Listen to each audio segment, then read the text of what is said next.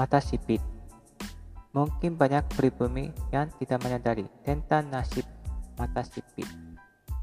Aku sirik kepada orang yang memiliki mata besar. Kebanyakan orang Jepang matanya sipit seperti orang Cina. Dan kadang-kadang aku pernah benci sama diriku sendiri. Dan gara-gara itu, aku pernah mempermalukan diri sendiri.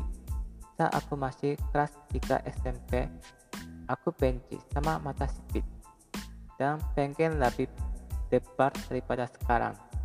Dan tapi aku tidak berani beras plastik. Bahkan aku tidak punya ongkosnya juga. Hehehe akhirnya aku mencoba tempel garis mata. Tapi aku tidak terbiasa pakai kosmetik kayak gini. Aku tidak sengaja cuci muka. Saat aku lagi memakainya. Dan stempelnya terlepas sendiri tapi aku tidak menyadarinya. Akhirnya temanku kasih tahu kepadaku tentang tempel yang tergantung di ujung mataku.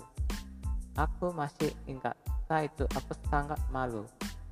Mungkin temanku sama sekali tidak peduli aku pakai stempel garis mata atau tidak. Tapi aku rasa sangat malu. Dan sejak itu aku berhenti memakai stempel garis mata. Aku menyadari benci sama diri sendiri itu tidak bisa hilang, tapi bisa mencintainya.